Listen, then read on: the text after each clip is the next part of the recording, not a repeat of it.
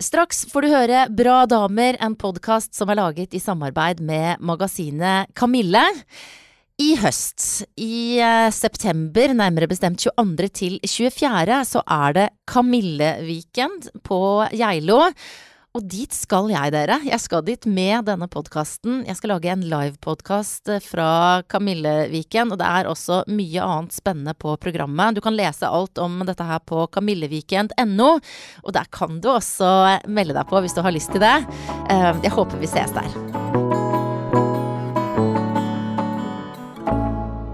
Men jeg skal ikke begynne der. Nei.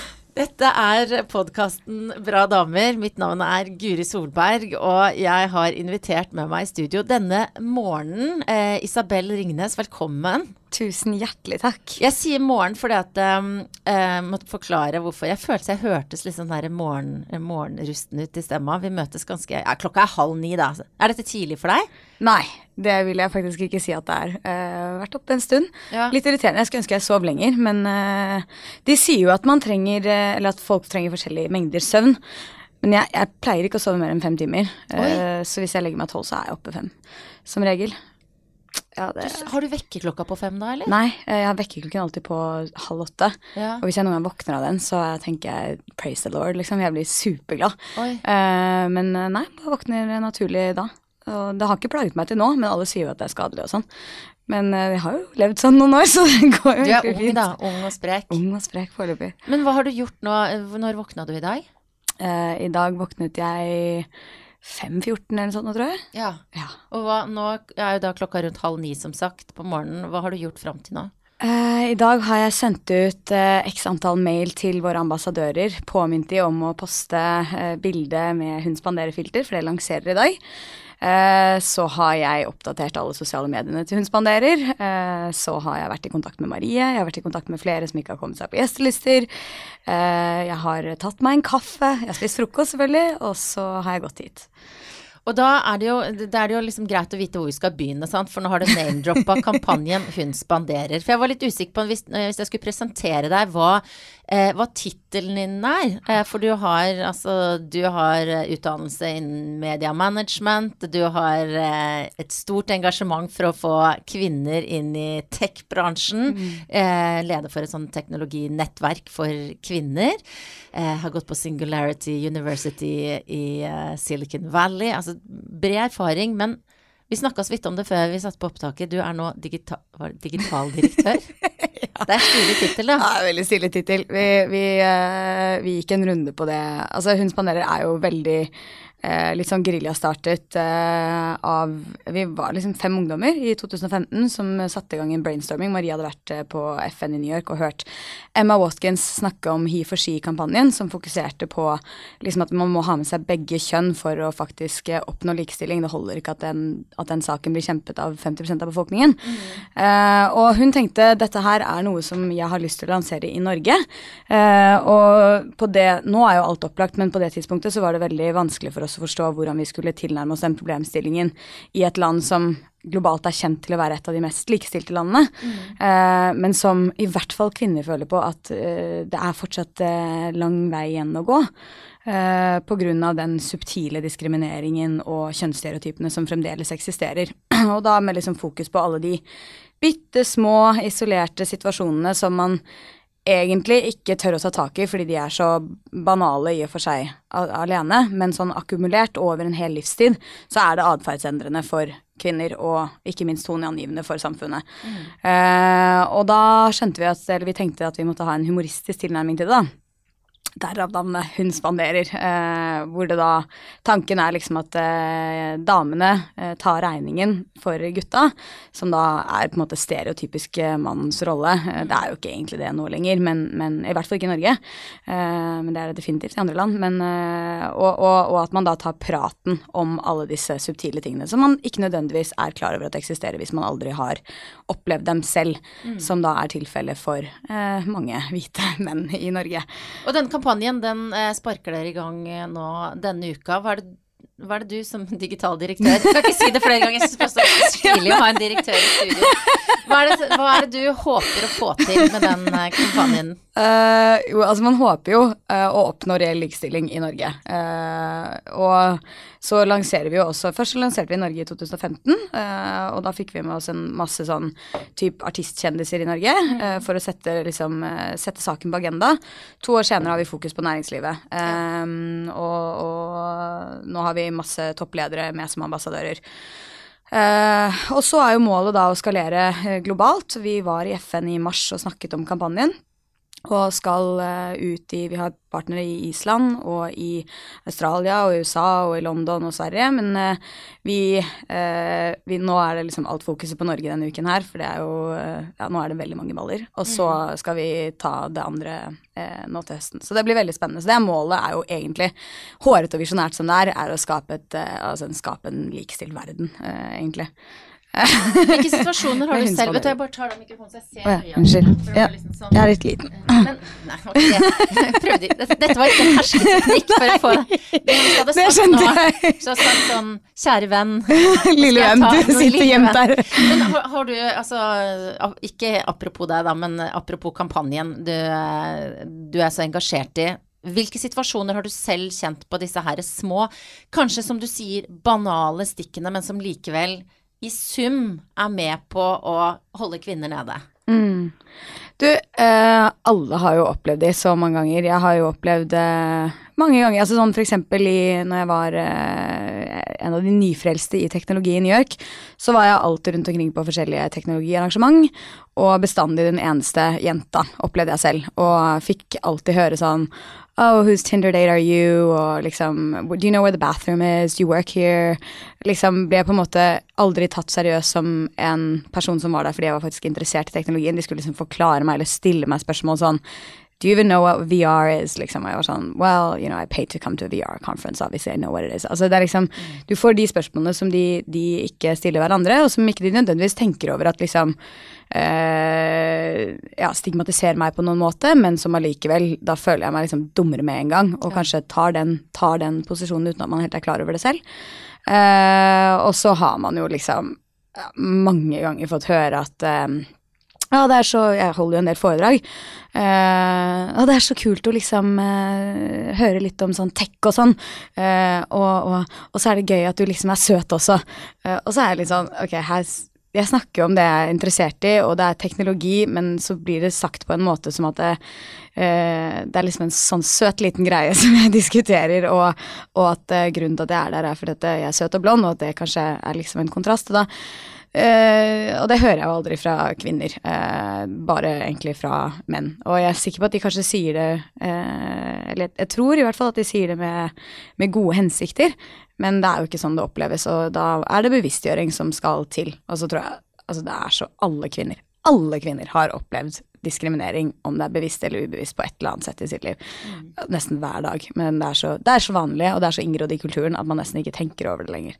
Og Derfor så er det så viktig med en sånn kampanje som dere har starta, fordi nettopp det at dere bruker humor For det er vanskelig, ikke sant. Mm. Fordi at det er kvinner i, i, andre deler av verden som har mye større problemer enn oss, ikke sant. Og ikke får kjøre bil, og ikke får stemme, og kan dø når de føder barn. Altså, dette her er på en måte Eh, mindre problemer, men det er så viktig likevel. Mm. Og da tror jeg det er riktig måte å adressere det på med sånn der litt sånn dunk i sida, mm. uh, og litt latter, da. Ja, For det, gutta, de skjønner det ikke.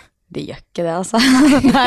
men vi hadde veldig mye sånne uh, brainstorming sessions i begynnelsen av kampanjen, hvor vi liksom tok de med inn i et rom, masse guttevenner av oss, og, og viste de litt sånn filmer, typ den derre Always Like a Girl og alle disse mm. filmene, og på en måte prøvde å forklare dem litt, og forstå sånn hva er det som, som dere ikke forstår? Ikke Man blir jo liksom frustrert uh, av det. Uh, og, og, det er liksom 'privilege is invisible to those who have it'. Altså du, du. Og ja, jeg, jeg, kan jo si at sånn, det er veldig mange andre minoriteter, homofile osv., som uh, engasjerer seg veldig mye mer i kampanjen. Fordi de med en gang, de skjønner på en måte den, den, den diskrimineringen og den undertrykkelsen på en måte som, som, som, som kvinner som liksom helhet går gjennom på ja, forskjellige nivåer, da. Men Uh, nei, så da er det viktig at man liksom ikke peker fingre og allokerer skyld, fordi da skaper man jo bare større splittelse enn Og det er jo ikke det man ønsker. Man ønsker jo på en måte at de skal bli uh, opplyst om saken og, ha, og forstå at det på en måte det gagner oss alle sammen. Mm. At dette her, feminisme handler ikke om at kvinner er bedre enn menn og skal ta over verden. Det handler om at alle skal ha like muligheter. Mm. Eh, helt fra barndommen av. Men det er mange som er redd for å bruke nettopp det uttrykket, da, feminisme. Eh, hva er, kaller du deg feminist? Ja, selvfølgelig. Det mener jeg man må. Eh, jeg tror at det, det, altså det er, som du vet, et negativt eh, konnotert ord, hvis, man, hvis, det er et norsk ord. Eh, fordi man det, det, liksom, det, bærer med seg minner fra fortiden om liksom brenning av bh-er og skriking og liksom all, veldig all, antifeminint, egentlig.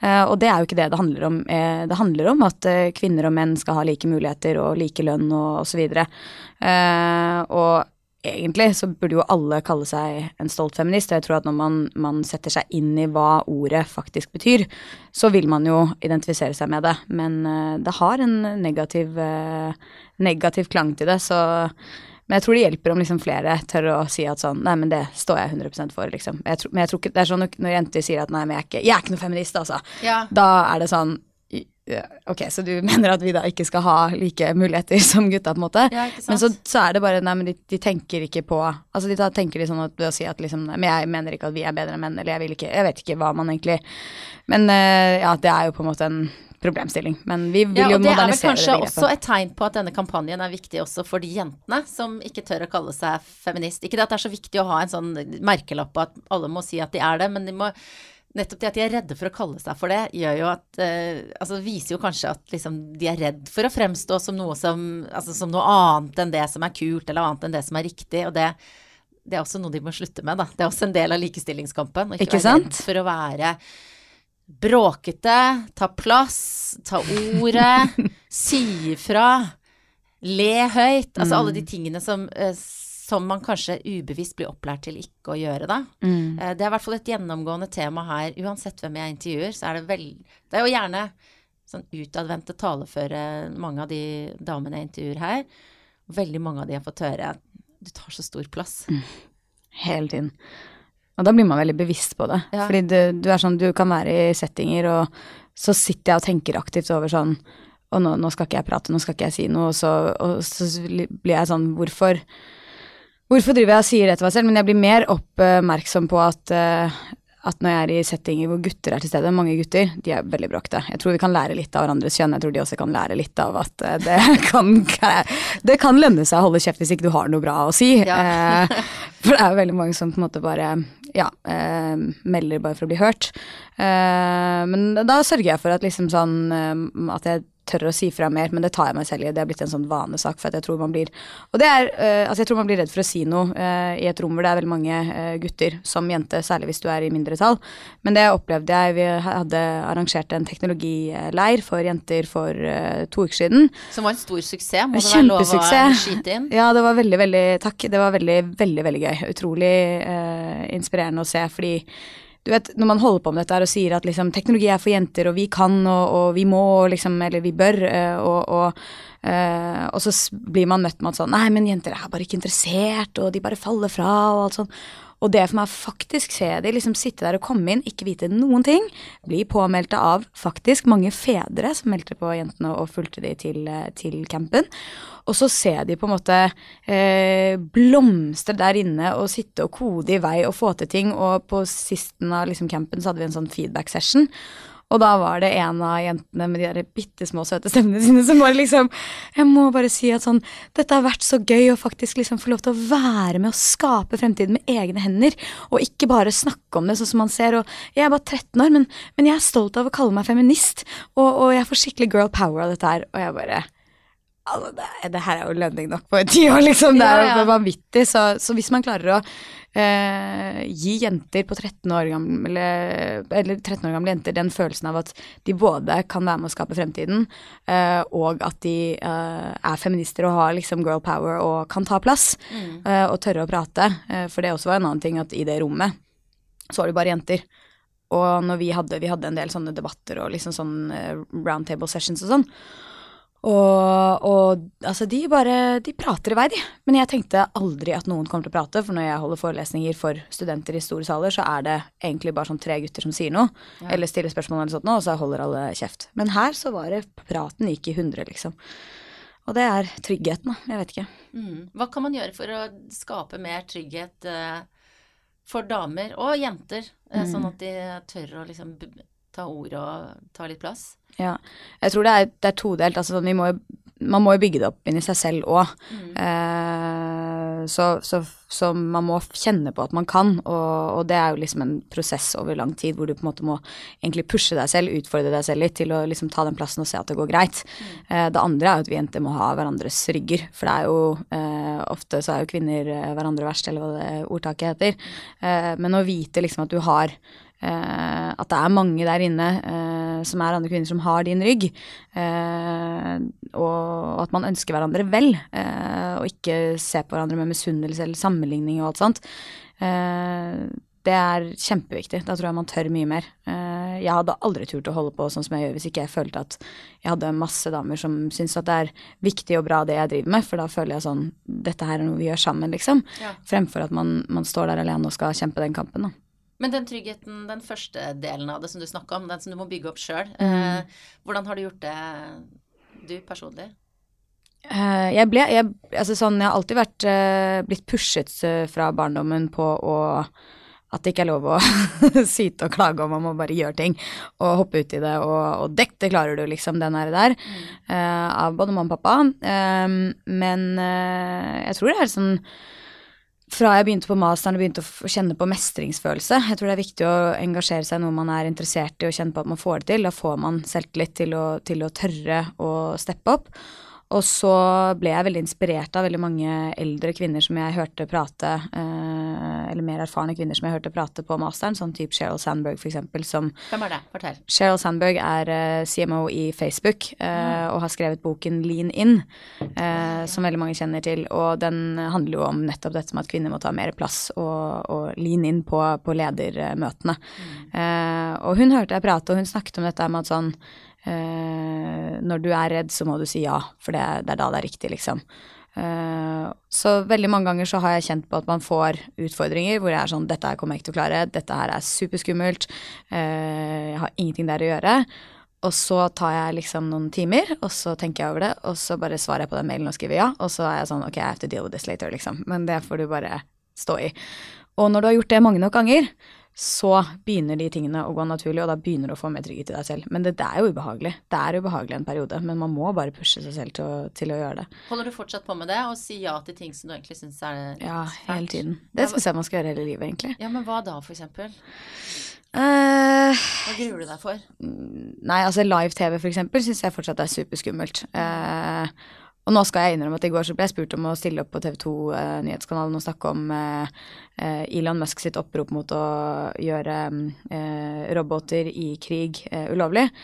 Eh, og da kjente jeg at sånn det, det måtte jeg si nei til da, fordi at uh, jeg var midt i lanseringen av Hun spanderer og måtte ha fokuset der, og kunne ikke lese meg på det. Men det er sånn her, jeg kjenner med en gang at det går kaldt gjennom hele kroppen når jeg får det spørsmålet. At eh, du skal sitte i et studio, det er helt live-TV, og driter du deg ut, så, så ser hele Norge det på repeat hele dagen, liksom. Det er, det er ubehagelig. Uh, og så er det jo, det er masse sånne type situasjoner hvor ja, man er jo alltid lite grann redd. Men du, nå skal jeg passe meg for ikke å, å tråkke noen salater, men jeg tenker jo, når du sier dette her med at, at folk liksom Ja, du var søt på scenen og sånn.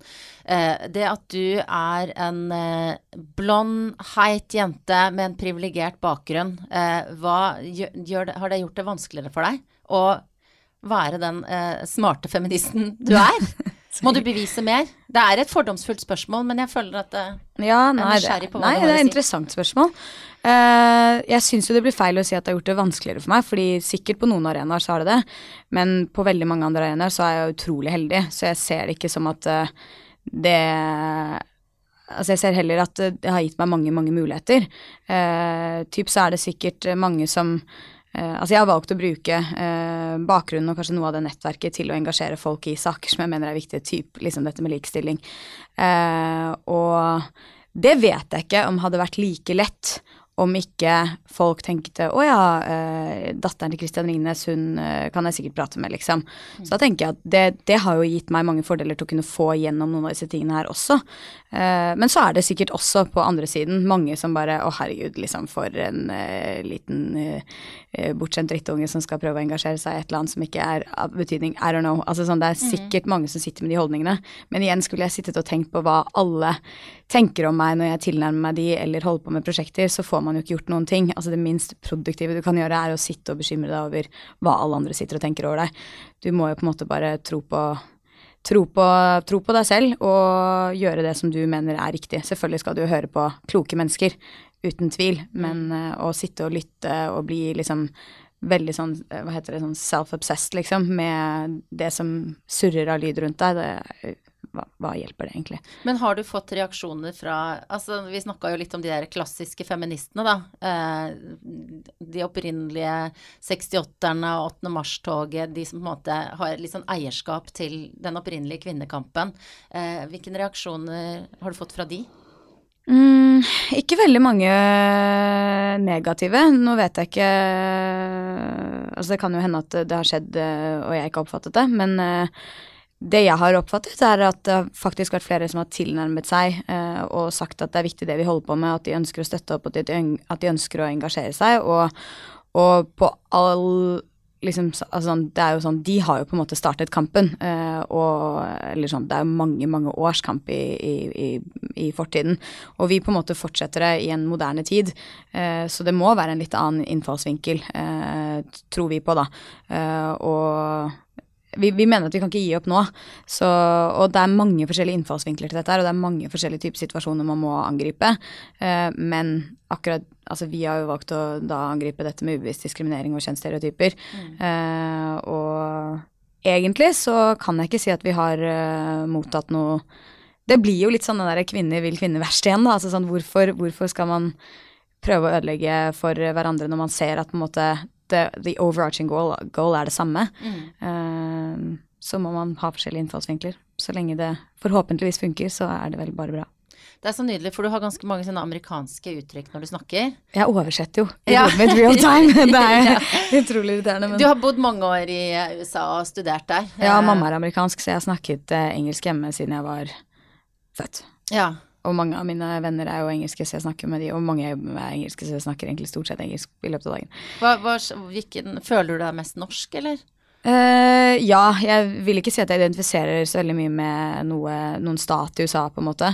Uh, kanskje New York litt, for jeg har bodd der i fire år, men annet enn det så er jeg jo norsk. Uh, men egentlig så Jeg vet ikke om jeg egentlig identifiserer meg med noe land i det hele tatt. Jeg tror jeg liksom føler meg jeg har liksom sånn, et, et, ønske om at liksom verden på en måte bare skal leve under ett, og at ikke vi skal sitte og tenke at liksom jeg er norsk og du er svensk og, og du er engelsk og du er sånn. Altså, fordi at liksom, jeg, jeg, ser jo at det er viktig å bevare tradisjoner og sånn, men, men sånn nasjonalisme det ser jeg liksom ikke helt er, er produktivt uh, på noen måte. Uh, og så jeg, jeg tenker ikke mye over at jeg er norsk i den forstand. Ja. og så snakker jeg engelsk, men det er bare for at jeg syns det er enklere liksom. Så jeg har ikke noe Jeg, ikke noe, jeg kan jo snakke norsk òg, helt opplagt, men Men du er jo igjen uh, veldig engasjert i at uh, du har uh, arrangert denne tech-campen som du snakka om, og er engasjert i at kvinner skal lære seg kode, være mer engasjert i, i den bransjen. Og det er jo en bransje hvor Stammespråket er vel engelsk også? Altså det er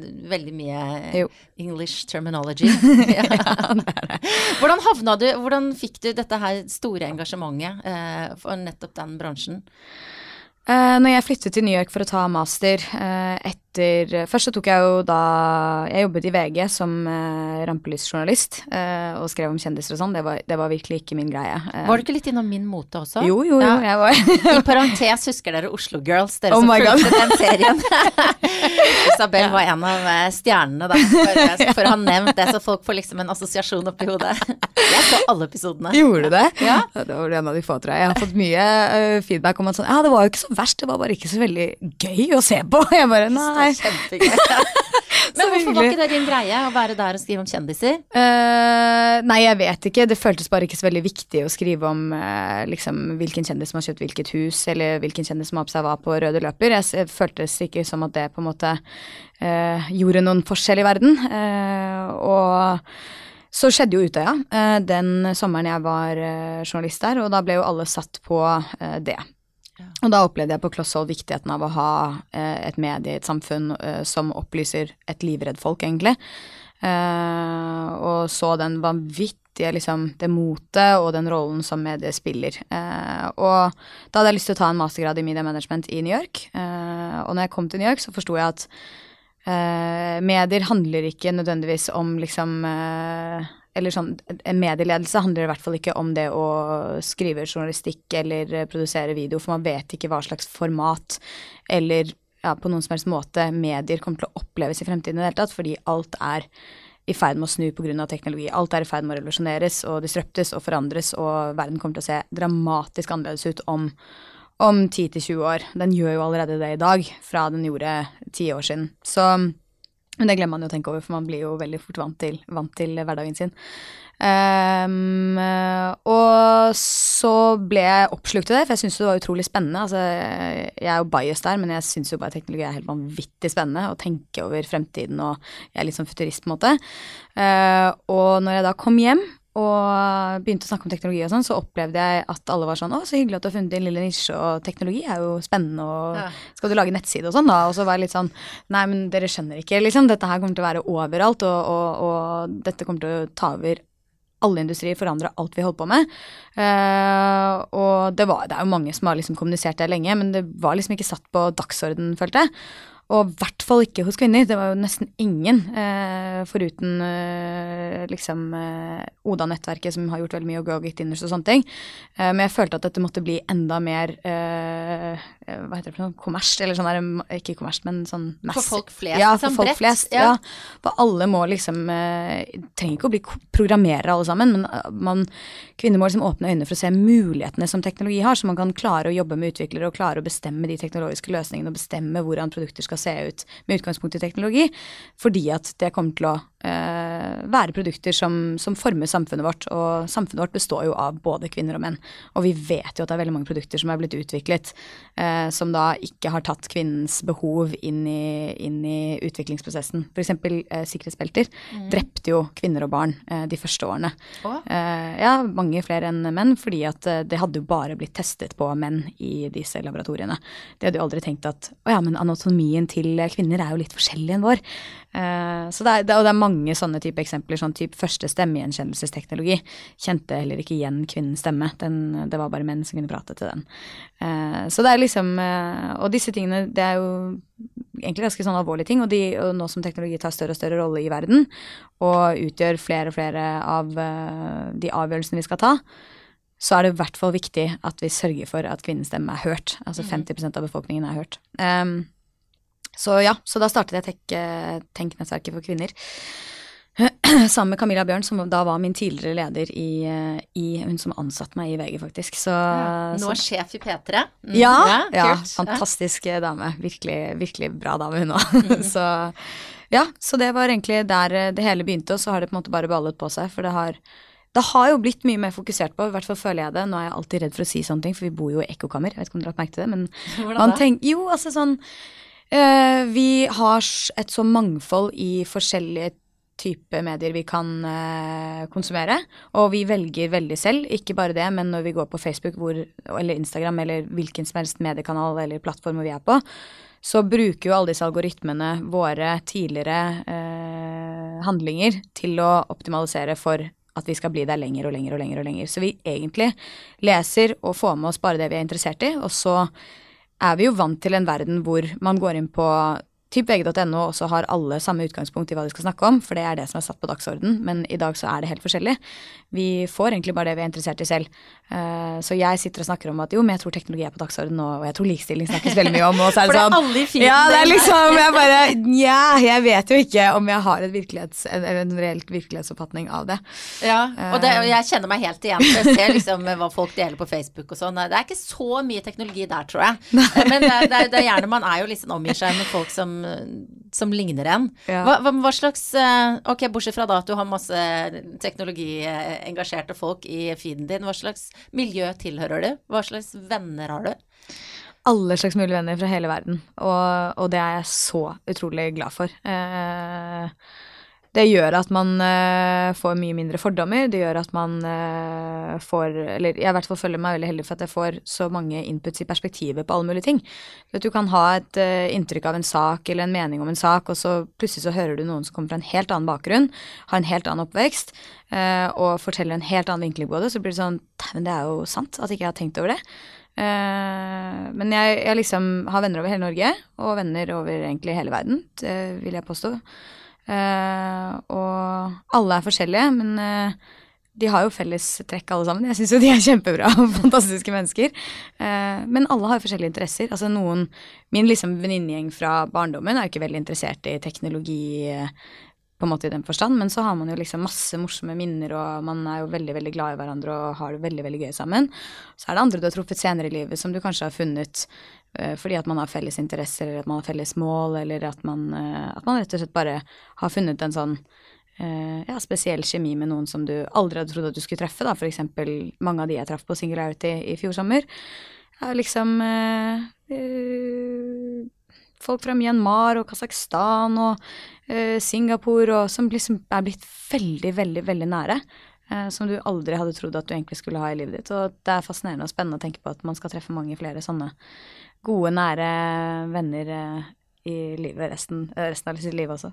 Ja, for uh, singularity, uh, det du nevnte da vi snakka så vidt om det i stad, altså hva skal jeg si, det er veldig anerkjent. Du gikk deg på en slags sommerskole, det høres jo veldig light ut, da, men det er ekstremt vanskelig å komme inn, uh, og det er folk fra hele verden, som du sier, ti uker med sånn kjempejobbing, og hjernen din bare fylles med fremtidens teknologi, og du skal ha presentasjoner hele tiden. Altså, dette er sånn min oppfatning utenifra hva det er. Eh, var det en riktig beskrivelse av hva singularity er? Ja, absolutt. Ja. Absolutt. Det er en sånn eh, crazy tenketanke eh, som er da ligger ute på NASA Research Center, som på en måte i Silicon Valley, som da setter på en måte framen eller rammen for uh, for at det er liksom fokus på, på måte, det store og det umulige. og tanken er at man skal samle 80 80 mennesker hvert år til uh, altså studenter, uh, eller folk fra hele verden. Altså de yngste der var 21, eh, de eldste i min klasse var 60, noe sånt noe. Så det er jo liksom et veldig, veldig bredt spenn, alle er fra hele verden. Og entreprenører og folk som er forskere og folk som er eksperter innenfor forskjellige typer teknologier, eller folk som er opptatt av uh, um, sustainability. Uh, og da blir man egentlig bare låst inn på dette på, det, på denne Ja, altså disse astronautrommene, holdt jeg på å si, og, og, lærer om eksponentielle teknologier fra verdens eksperter. Altså veldig mange som har da stått eh, på TED-scener og som har skrevet mange bøker og sånn. Og lærer om det i mange, mange herrens timer om dagen. Altså kanskje 15-16 17 timer noen ganger. Mm. Eh, og så skal man liksom eh, forstå de eh, på et litt sånn overordnet nivå, da. Du, eh, og så skal du bruke de, eller forhåpentligvis bli inspirert til å forstå hvordan du kan bruke de til å løse noen av de største problemene som man da sitter med i verden. Eh, og det er jo en Eh, fantastisk visjon, og en visjon som skaper mye engasjement. Eh, om det er mulig å faktisk gjøre det i løpet av ti uker, det vet jeg ikke. Eh, og jeg vet at de endrer på modellen sin hele tiden. Men liksom målet er jo da at du skal starte et selskap på slutten av det, hvor du har et produkt eller en idé som positivt kommer til å påvirke én milliard mennesker. så det er ganske mye sånn press å ha når du går inn der. Cirka én milliard, dere. Bare se for dere det. Masse mener også, én milliard. Så, ja. Og jeg vet at du har vært engasjert i, i helse. Du har også tidligere studert ernæring, har jeg skjønt. Men at du har vært Var det feil? Nei, jeg har studert ernæring, ja. men uh, ja, nei, vet du, det skal jeg faktisk ikke si at det er sånn teit. Snakk deg selv opp nå. Ja, ja fordi at det, jo, men uh, i dag så merker jeg at man uh, For dette studerte jeg på nett over et år på noe som heter Institute of Integrated Nutrition. Mm. Og, og, det er jo på en måte du blir liksom sertifisert health coach etter å ha gjort det. og i dag, eller i hvert fall så lever det en sånn um, et stigma rundt det å ta utdannelse på nett, at det liksom ikke er like bra som å ta utdannelse eh, hvis du er i fysisk college campus, men jeg tror på en måte at fremtiden kommer egentlig til å ta nesten alt som er teoretisk på nett, mm. eh, og at man liksom eh, jobber mye med det praktiske i klasserommet, sånn som det egentlig er motsatt. Eh, altså skolesystemet er jo veldig motsatt lagt opp i dag. Så når du sa du har studert eh, ernæring, så pleier jeg alltid å si sånn ja ja, men bare på nett. Ja. Så tenker jeg sånn jo, men altså sånn, det er ikke sikkert at det bare er bare Man har jo lært noe liksom der òg, ja. og det kan hende at det er sånn man skal lære i fremtiden. Men ja, det var en digresjon. Beklager. Ja, ja, men da fikk vi noen tanker rundt eh, fremtidens eh, internettundervisning. Men i hvert fall denne, og dette engasjementet da for nettopp ernæring, det, har du jo brukt altså, det, Når du var på Singularity, så dreide det seg om Prøvde å utvikle noe som skulle motvirke obesity, altså sånn sykelig overvekt. Eh, så ble det diabetes. Hva er du, hva er det du eh, ser for deg at Hvilken milliard er det du vil nå med det du, det du kan, som du har lært der? Du, det er egentlig litt sånn interessant, for altså, jeg har alltid vært interessert i helse. Nå tror jeg kanskje at eh, likestilling og like muligheter for alle i verden er der det ligger nærmere hjertet mitt, men jeg har alltid vært interessert i helse. Og når vi var der, så hadde vi på en måte Jeg tror det var De hadde plukket ut liksom ti eller ni sustainability goals av de FN-målene eh, som vi da skulle angripe. Og gender equality var ikke en av de. Nei. Eh, og, så det var på en måte det, det var ikke så naturlig å angripe det, for det, jeg vet ikke helt hvordan man skal angripe det med teknologi. Eh, jo, det kan jeg faktisk se for meg noen måter å gjøre det på, men eh, det var i hvert fall eh, Du skulle ha med deg mennesker til å jobbe med deg på et lag, og utrolig nok så var det selv der ikke så mange mm, gutter som ville jobbe med det, da.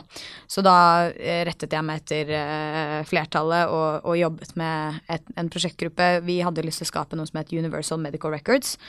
Eh, og det er egentlig på en måte eh, at du eh, Så vi, har, vi jobber litt med dette i Norge med sånn Er det pasientjournal eller no, le- noe sånt det heter? Eh, men da at det her er globalt. At du liksom Du eier dine pasientdata, medisinske data, og du har alt det et sted, og det kan du velge å dele med hvilken som helst lege over hele verden, og de har innsikt i det. Og da kan man da også ta den aggregerte dataen og prøve Altså da får man jo mye mer innsikt i hva som driver sykdommer, og hva som er beste kurer. Og du kan sammenligne når vi da etter hvert begynner å ta DNA-sekvensering alle sammen, kan du sammenligne DNA til folk, og så kan du se liksom nøyaktig hva som fungerer, sånn at du slipper å Altså du kan jo på en måte både være mer preventiv i sykdommer, og så slipper du også å eh, teste masse greier som, som okay, en enkeltperson. så du har liksom et sånt system som Altså, journalsystemene snakker sammen på et vis? eh, Ja, eller du tar liksom La oss si at du eh, har fått eh, kreft, eh, og så har du blitt behandlet på en type måte som har vært eh, bra for deg. Eh, du ble frisk av den. Eh, så kan eh, du da ta den anonymiserte dataen, sammenligne med milliardvis av andre dataer, eh, som da kanskje har samme type DNA eller eh, litt sånn lignende bakgrunn som deg, og da kan, da, hvis de skulle være så uheldige og da få diagnosen kreft, eller at man ser at de kommer til å utvikle kreft, så kan de da eh, se på den eh, behandlingen som du fikk, som da var suksessfull, eh, og bruke den på en annen person og, tenke, og så vite med større sikkerhet at dette kommer til å fungere fordi dere har så lik eh, DNA-sammensetning, eller dere har så lik eh, helse eller kropp eller hva som helst. Så, eh, så det, det er jo liksom veldig mye av problemet i dag, at veldig mye data ligger i forskjellige siloer, at man ikke deler det eh, på tvers. Eh, man gjør det jo mer og mer i Norge, men fremdeles så var det jo sånn, vi hadde jo veldig mange brukerintervjuer med sykehus hjemme i Norge, uh, utnyttet litt det nettverket som jeg hadde uh, innenfor lege her. Og da fortalte de jo liksom det om at sånn, ok, skal noen ha en uh, medisinsk journal fra et sykehus til et annet som ikke samarbeider med hverandre i Norge, så må du sende det i taxi fra sted til sted. Du kan kan ja, ikke sende det via e-post. Og de kan heller ikke sende det til deg som, som pasient via e-post. Så det er liksom, det er så, det er på det nivået da. Og så selvfølgelig tenker man at ok, greit, vi, vi må klare å fikse det i Norge. Danmark er et av de beste landene på dette her. Uh, uh, men å klare å fikse dette her globalt, sånn at det er du som person som sitter på all den dataen alltid, uh, og du eier det. For da, da har du liksom tryggheten i det, da. Og at det på en måte er låst biometrisk eller eh, på en eller annen måte. Det er så bra når du snakker om dette og sier biometrisk og aggregerer. Altså, du er full av sånne faguttrykk. Jeg skjønner at dette her har du eh, presentert, dette her kan du. Jeg tenker ikke over det, sorry.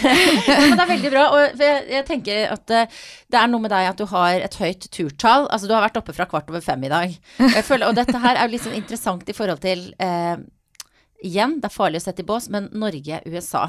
Jeg føler at du er en sånn doer, som veldig mange, sikkert i hvert fall i New York, da, jobber veldig hardt, slapper aldri av, må videre, må videre, store ambisjoner.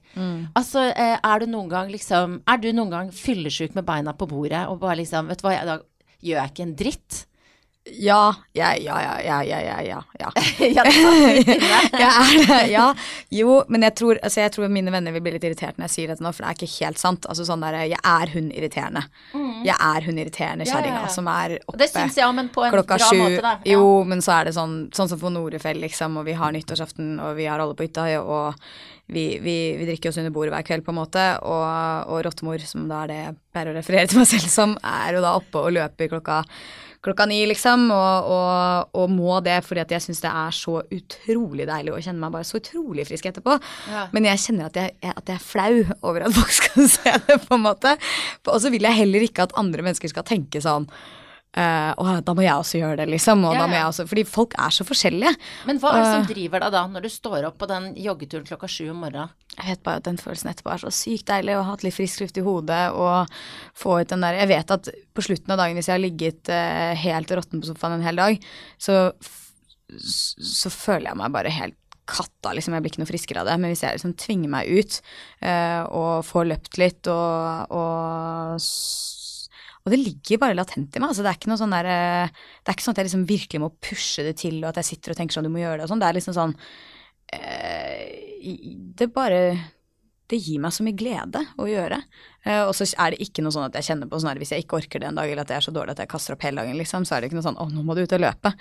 Men det liksom Det plager meg liksom ikke. Det er kanskje jeg Og så er litt, tror jeg litt, det er litt sånn genetisk, jeg er litt heldig, jeg blir ikke så fyllesyk. Ja, det er faktisk Det blir verre. Ja, det blir verre. Det sier alle. Bare vent.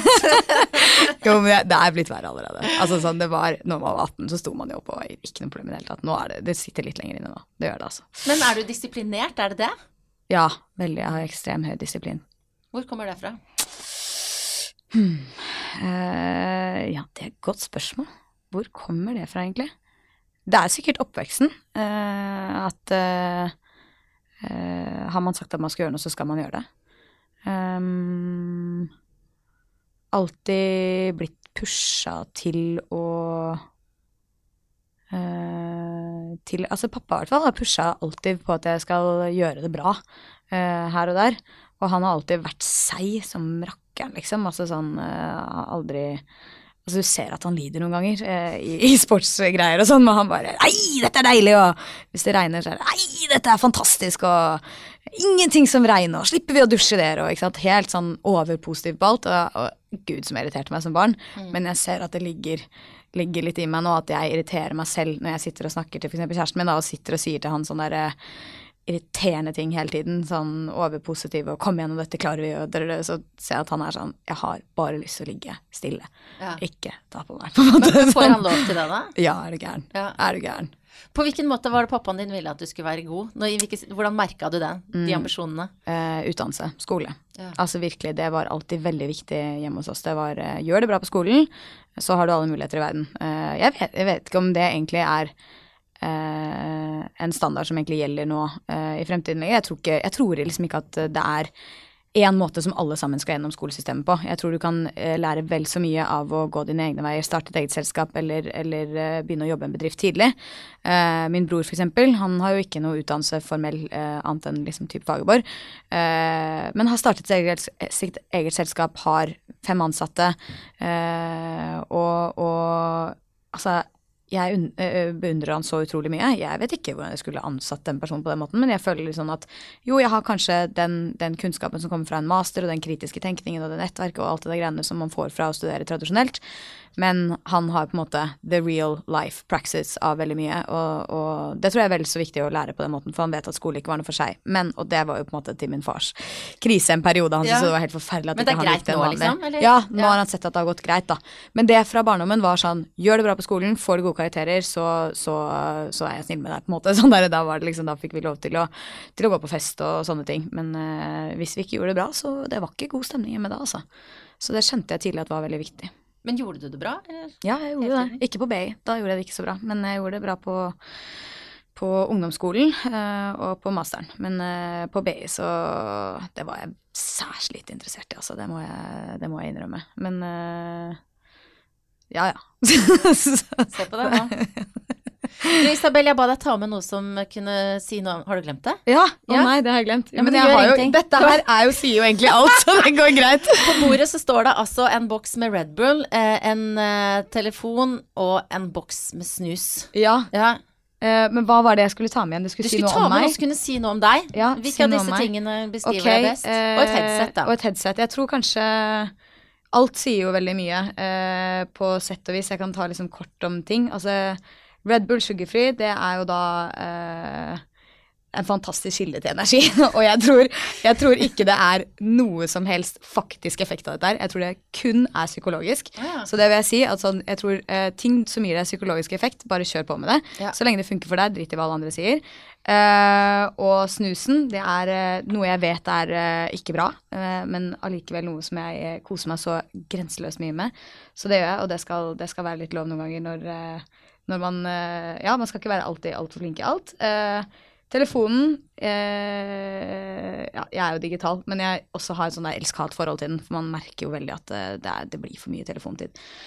Har du hatt den på flymodus nå, som jeg sitter Ja, her? ja, ja, er du gæren. hvis ikke, så hvordan hadde den telefonen oppført seg da? Da hadde jeg ikke vært en veldig god samtalepartner, Ja. eh, så det sørger jeg for å alltid eh, ha når jeg er sammen med folk. Eh, om ikke det er noen, om du liksom er sammen med på en måte familien over en uke, så kan du ikke ha den på flymodus hele tiden. Men når du setter deg ned og har en samtale som det her, om det er med deg eller om det er med venninne bak låste dører, så er det liksom den aller viktigste tingen du kan gi til folk i dagens verden, er din helt udelte oppmerksomhet. Og det mener jeg virkelig at eh, vi bør streve etter å gjøre for å bevare det, det menneskelige og den, eh, og den eh, kontakten vi har sammen. For jeg tror at med en gang man skal begynne å leve alle andre steder og svare på alle andre meldinger, så, har du egentlig, så er du ikke egentlig til stede for noen. Så ja.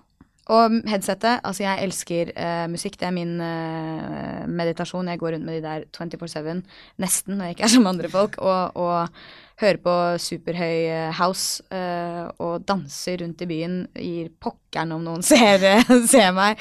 Står i leiligheten og danser. Jeg, jeg elsker å danse. Danse helt forferdelig. Uh, men det er litt det, det, det gir meg et sånt pusterom fra resten av verden. Jeg tror mange føler på det. Men det liksom, du bare forsvinner i din egen verden og, og bryr deg ikke om hva, om hva som skjer. Det er veldig deilig. Så det var langt svar på noe.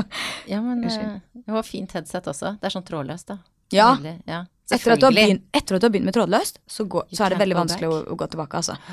Ja, ja, jeg har sånne rosa propper som jeg putter inni ja, da, øra, og så faller de ut igjen og sånn. Ja, har, men er det, det er ikke trådløse, eller er det det? Nei da, de er ikke det. Nei. Nei. for det ser bare litt for rart ut. Når man tar bare sånn, så går man sånn snakke eh, handsfree med sånn lite høreapparat inn der. Nei, det Ja, blir vet, men vet du hva? Det kommer jo til å skje.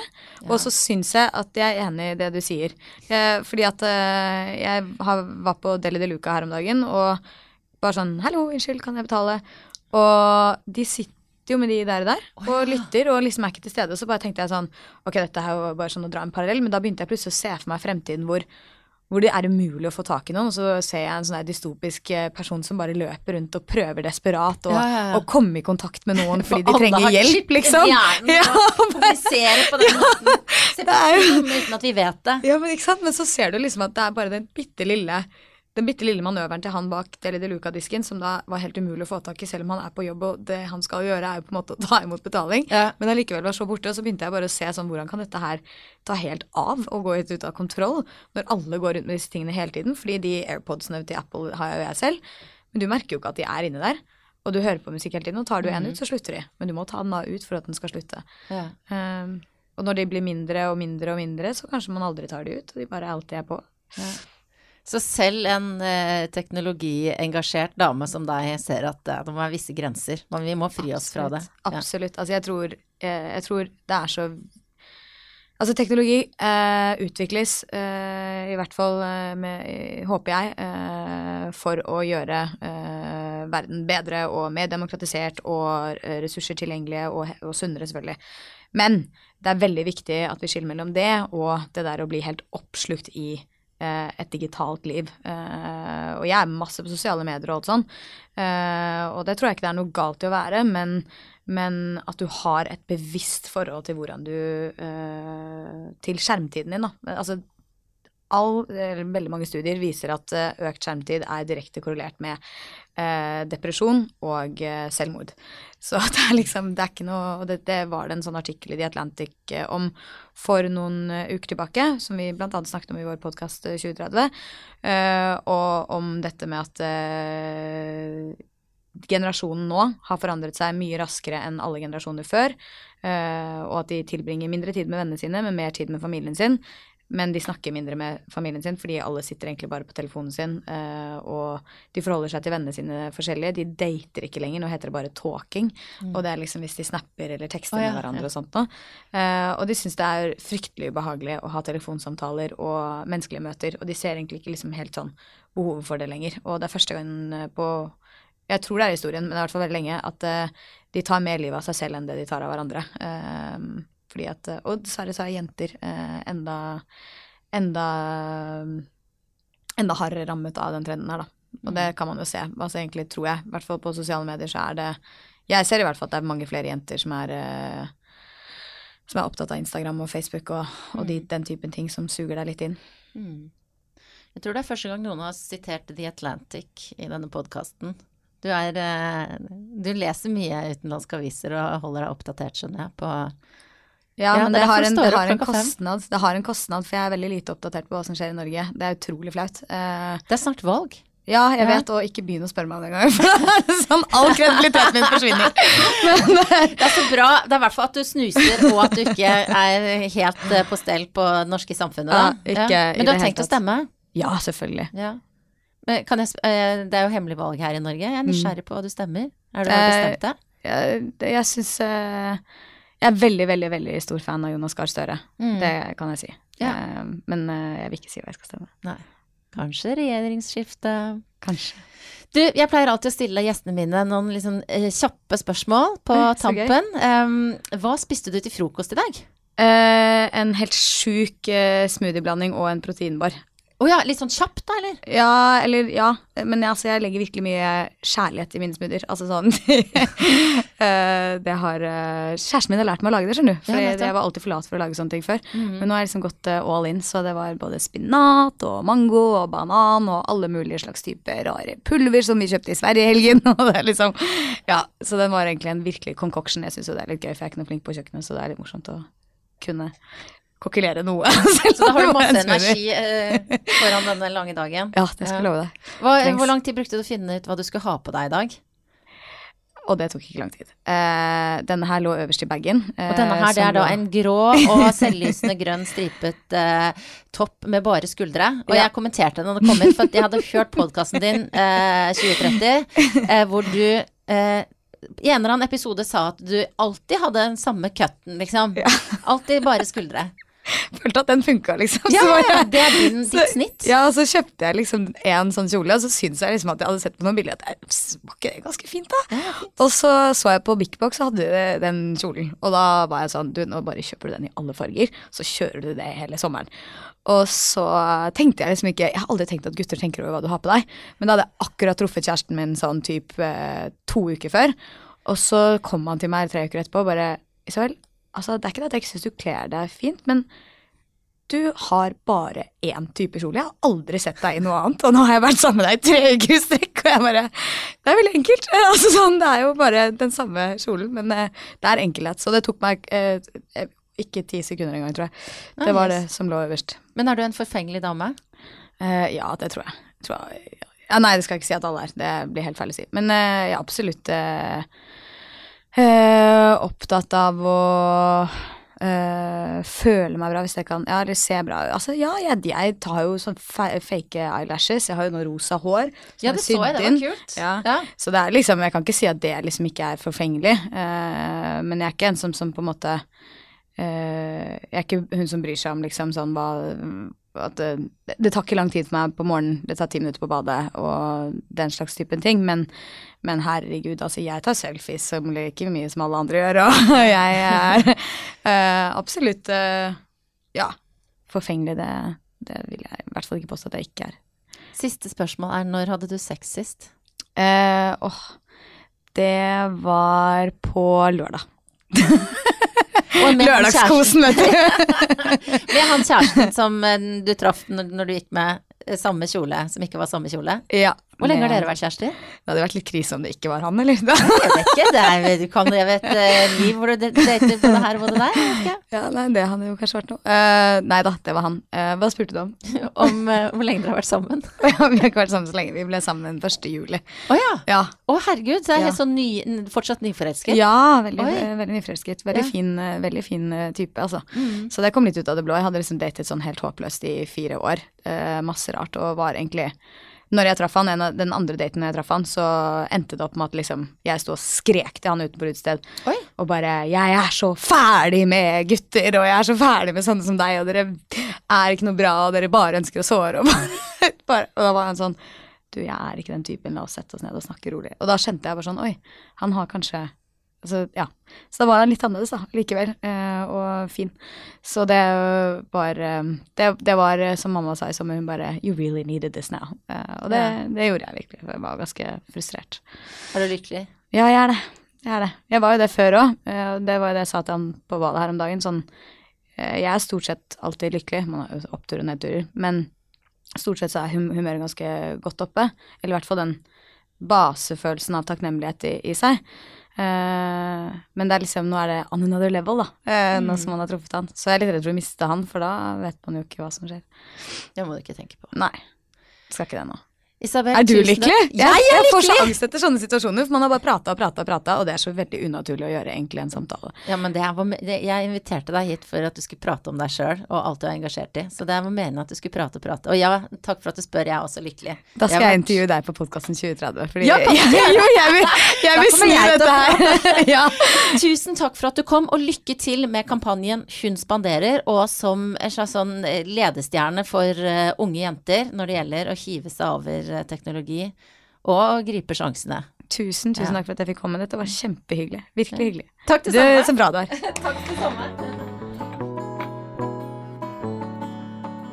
Denne podkasten den lages i samarbeid med Kamille, og nå kan du som bra damer-lytter få et eh, spesialtilbud på eh, et halvt års abonnement. Da får du åtte utgaver, og dette her eh, koster deg bare 189 kroner. Og for å få dette spesialtilbudet som min min podkastlytter, så sender du en SMS eh, med Guri Mil. Altså en slags miks av Guri og Kamille. Guri Mil til 2205. God lesing! Monster.